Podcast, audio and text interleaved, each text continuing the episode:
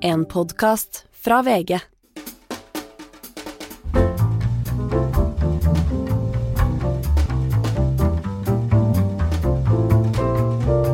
Hei! Her får du en smakebit av min samtale med Kate Hansen Bundt, generalsekretær i Atlanterhavskomiteen. Hun kan masse om tysk og europeisk politikk, og så har hun en veldig spennende historie om da hennes tidligere ektemann måtte rømme fra Øst-Berlin mens hun satt i en leilighet og ventet på hvordan det kom til å gå. Da er vi tilbake til Tyskland og forhold til Kina, nemlig. Mm. For Tyskland er antagelig Kinas viktigste handelspartner i Europa, og Olav Scholz, kansleren, reiste jo alene til Beijing for ikke så lenge siden, til stor frustrasjon for de andre statslederne i EU, kanskje mest av alt for Frankrikes president Emmanuel Macron. Hvorfor dro Scholz alene mot de andres vilje? Nei, eh, Macron var veldig sur. Han tilbød seg å bli med, så at det skulle se ut som et felles EU-anliggende. Og apropos det snakket om at Tyskland gjør ikke ting alene, nå gjorde de det alene. Det gjorde han, eh, og han fikk kjeft av sin egen utenriksminister Anna-Lena Baerbock fra De Grønne. Eh, Det er dyp uenighet internt i den tyske regjeringen, som består av sosialdemokrater, De Grønne og det lille fridemokratiske partiet Næringslivsparti. Eh, Han gjorde det eh, på grunn av eh, handel, eh, og Kina er ikke bare et stort marked eh, for tyske biler og duppetitter som vi finner på kjøkkenet vårt, vaskemaskiner og oppvaskmaskiner for en voksende kinesisk eh, middelklasse. Det er også et produksjonsområde. Altså BASF, store eh, firma fra Tyskland, bruker nå 1000 eh, eller 10 milliarder euro på å lage en stor fabrikk i Wuhan-området.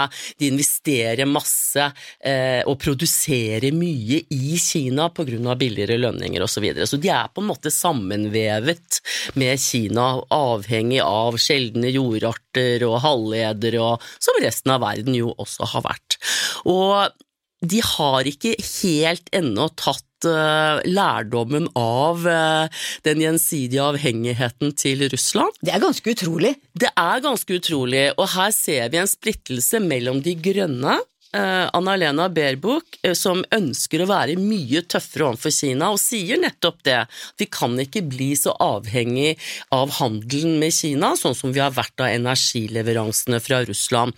Og hun har jo skullet eh, utvikle en ny nasjonal sikkerhetsstrategi for Tyskland. Det har ligget i Utenriksdepartementet. De har brukt et år på det. Det skulle vært presentert på Münchens sikkerhetskonferanse. Første gang tyskerne utvikler en nasjonal sikkerhetsstrategi. Den er blitt stanslet av kansler på grunn av at den er for tøff mot Kina. Men det er tyske næringslivsinteresser han tok med seg. Han var der ikke så lenge, og han var stolt over at han hadde fått kineserne til å uttale eh, seg kritiske mot eh, Putins eh, sabelrasling med atomvåpen. Tror du det var avtalt på forhånd? Det tror jeg ikke. Det tror jeg ikke. Men Olav Olaf Scholz har et helt annet parti. Eh, Sosialdemokratene, hvor det er eh, ganske mange som er eh, antiamerikanske. Eh, De ønsker en større uavhengighet fra USA. De er rene pasifister. De har også en helt annen holdning til Russland. I liksom forlengelsen av Willy Brandts østpolitikk og vandel durch. De står fortsatt i den tradisjonen, og mentalt sett så er det vanskelig å omstille seg. Eh, og tysk næringsliv er sterke. Eh, Olav Scholz gikk jo også med på å selge 24,9% av Hamburger havn til et kinesisk selskap. Det Det fikk han også også mye kritikk for. Seks statsråder som gikk ut mot han i hans egen regjering. Eh, Så man står og balanserer litt. Eh, Man mener at eh, vi kan ikke liksom bare skru av globaliseringen og forholdet til Kina. Vi må prøve å ha et, eh, et realistisk forhold til Kina. Men dette står jo hele verden oppe og balanserer litt sånn mellom hva skal det demokratiske Vesten på mange måter gjøre med det stadig voksende autoritære kinesiske regimet. Det er jo demokratiene mot de autoritære regimene Ja. nå. Nå er det mer på spissen enn eh, Det er det. Det har ikke vært sånn siden den kalde krigen. Nei, og det er mange som mener at det å se på verden en sånn todelt eh, som en todelt eh, enhet er feil.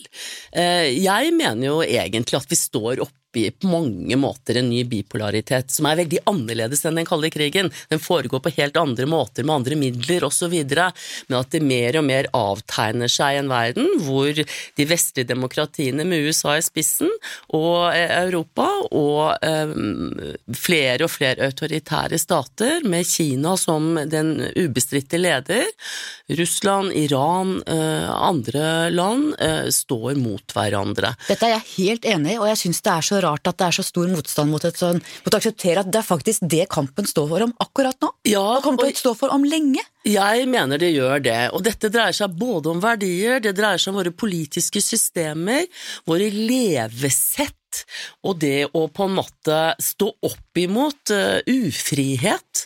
Uh, og jeg tror vi må ta inn over oss det her. Så er det noen som sier at ja, men det globale Altså, sør vil ikke være med på dette. India er jo også i ferd med å bevege seg i en autoritær retning, hvis man ser på Modi.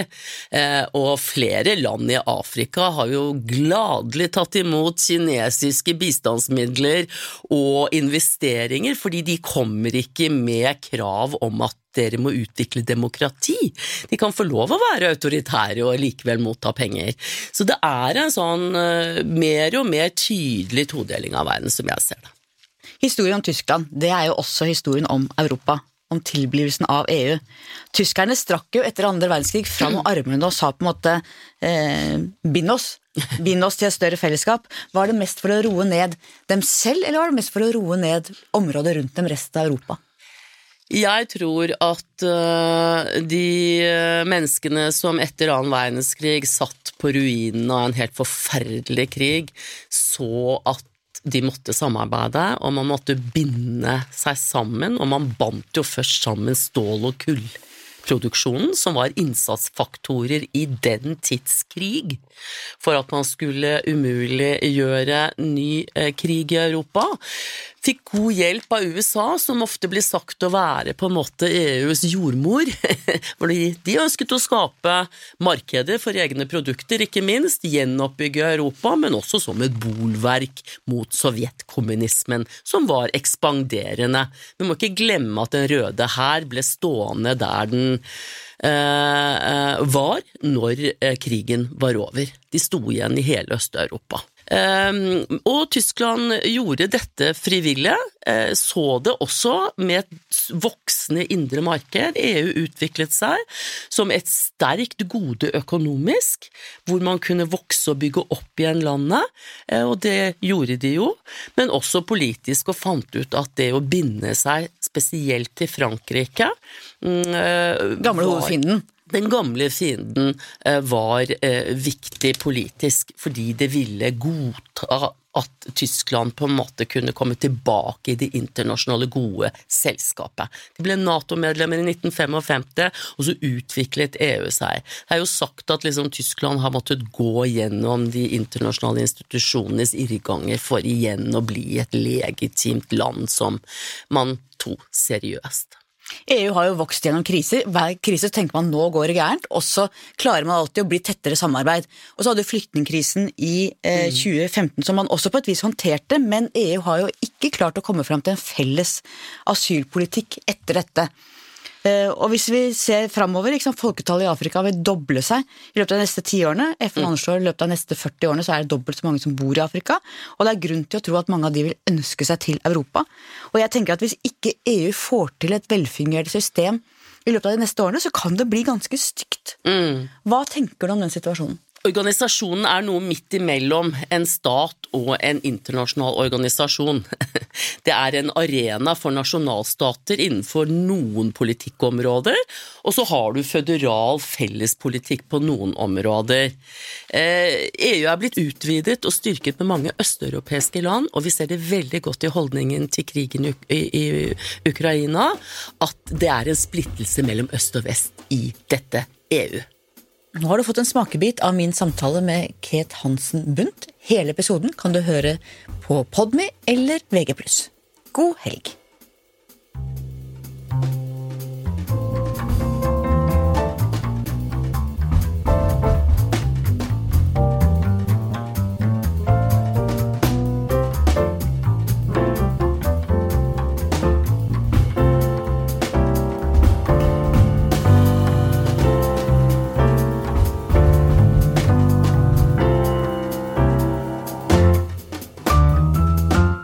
Du har hørt en podkast fra VG.